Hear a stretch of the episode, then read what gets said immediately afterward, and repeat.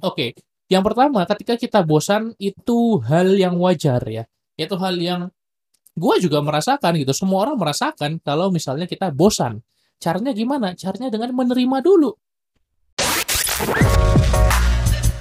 Halo, selamat datang di podcast Cerita Pembelajar. Kamu akan mendengarkan cerita mengenai pengalaman, gagasan, dan pembelajaran.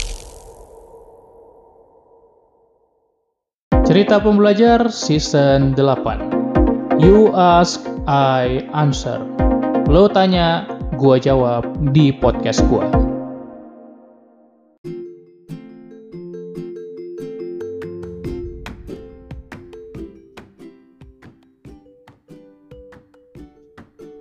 Halo Sobat Pembelajar, di mana pun lo berada, apa kabar? Semoga sehat selalu ya, dan terus bertumbuh setiap hari. Sebenarnya gue suka ketawa sendiri ya ketika dengar suatu phrase ya, phrase lain yang gue ulang-ulang terus aja setiap awal episode. Tapi ya memang udah sampai ratusan episode podcast cerita pembelajar dan gue nggak bosan-bosan yang ngabarin uh, supaya lo terus sehat dan juga supaya bisa terus bertumbuh setiap hari. It's all about self development guys. Jadi memang betul-betul tentang bagaimana kita mengembangkan diri kita. Dan itu yang paling penting kalau menurut gue.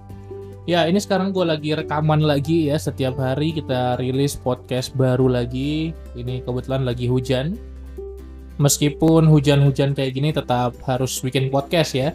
Supaya bisa terus upload tiap hari dan bisa membantu lo untuk bisa terus berkembang dan bertumbuh.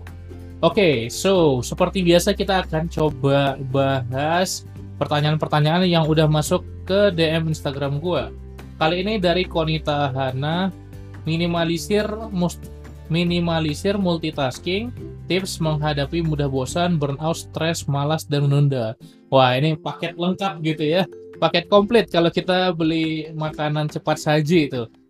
Oke, ini banyak sih ya. Tapi mungkin core-nya adalah bagaimana kita bisa menghadapi kalau kita mudah bosan. Kenapa? Karena akhirnya mudah bosan ini membuat kita melakukan hal-hal yang lain. Benar nggak? Ya kalau misalnya kita bosan dengan suatu tugas akhirnya kita ngerjain hal yang lain bosan ngerjain hal yang lain lagi dan kita cenderung untuk melakukan multitasking pada akhirnya. Lo gue yakin udah tahu juga ya tentang multitasking itu adalah sebenarnya mitos gitu ya bahwa multitasking itu sebenarnya nggak baik. Kemudian kalau kita mudah bosan akhirnya kita nggak melakukan pekerjaan yang seharusnya sering kali kita malah nunda-nunda ya. Nah, di sini juga ada tentang menunda, tentang malas gitu ya. Kita stres karena merasa kita bukan merupakan orang yang kredibel, bukan merupakan orang yang produktif, bukan merupakan orang yang mau menyelesaikan pekerjaan kita dan pada akhirnya kita malah numpukin di akhir ya, numpukin di deadline. Ketika ngerjain berjam-jam sebelum deadline, iya sih beres gitu ya, walaupun hasilnya kurang bagus karena deadlineer, tapi pada akhirnya membuat kita kecapean dan burnout. Jadi sebenarnya semua paket komplit dari pertanyaan ini Bang, gimana minimalisir multitasking, menghadapi mudah bosan, burnout, stres, malas, dan nunda-nunda? Kuncinya adalah bagaimana cara kita bisa handle rasa bosan. Oke, yang pertama ketika kita bosan itu hal yang wajar ya. Itu hal yang gue juga merasakan gitu. Semua orang merasakan kalau misalnya kita bosan. Caranya gimana? Caranya dengan menerima dulu. Ketika kita bisa menerima bahwasanya kita orang yang sedang bosan, maka akan lebih mudah buat kita untuk mengatasinya. Nah, gimana cara kita bisa mengatasinya? Caranya adalah dengan berkreasi dengan tugas-tugas kita.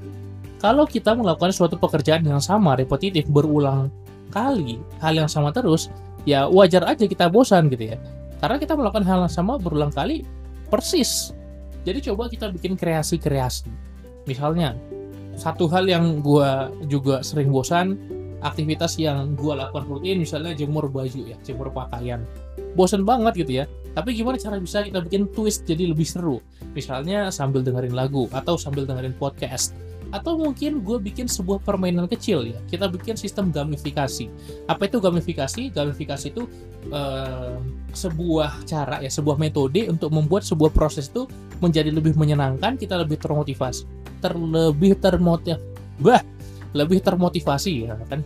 Gue jadi salah ngomong lebih termotivasi karena seakan-akan sebuah permainan jadi ketika kita melakukan sesuatu kita punya misi kita punya target kita punya goal Contoh, misalnya ketika kita lagi jemur pakaian, kita berusaha untuk break the record ya. Break the record misalnya gua jemur pakaian hari ini habis waktu 8 menit.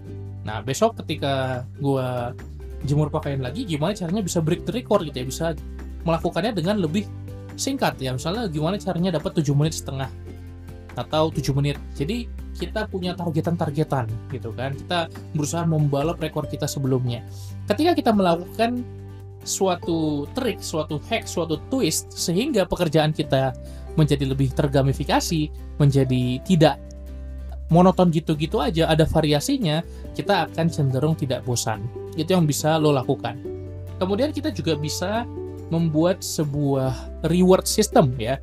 Jadi ketika kita berhasil melakukan sesuatu, kita dapat hadiah. Kalau misalnya lo punya target untuk menulis jurnal setiap pagi, habit yang positif tentu saja. Kalau lo berhasil melakukannya setiap hari selama tujuh hari tanpa bolong, lo dapat sebuah reward. Misalnya bisa makan di restoran favorit lo atau beli es krim, it's up to you.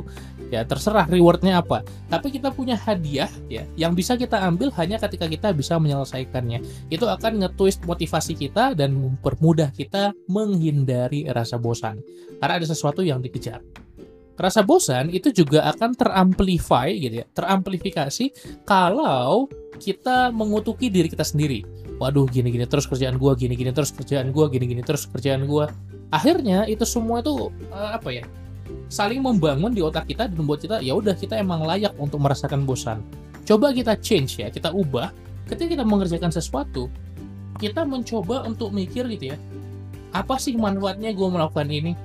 kenapa gue melakukan ini jadi kita bukan hanya mengeluh tapi kita coba cari reasoning behind that jadi kita coba cari reasoning kenapa kita melakukan itu apa manfaatnya gimana caranya supaya gue bisa melakukannya dengan lebih baik ada improvement di situ alih-alih hanya sekedar mengeluh dan mengeluh jadi lo bisa mulai coba dan ketika lo coba akan lebih mudah menghindari bosan dan hal-hal yang menjadi dampak dari bosan seperti stres, menunda segala macam itu juga bisa overcome ya, juga bisa teratasi.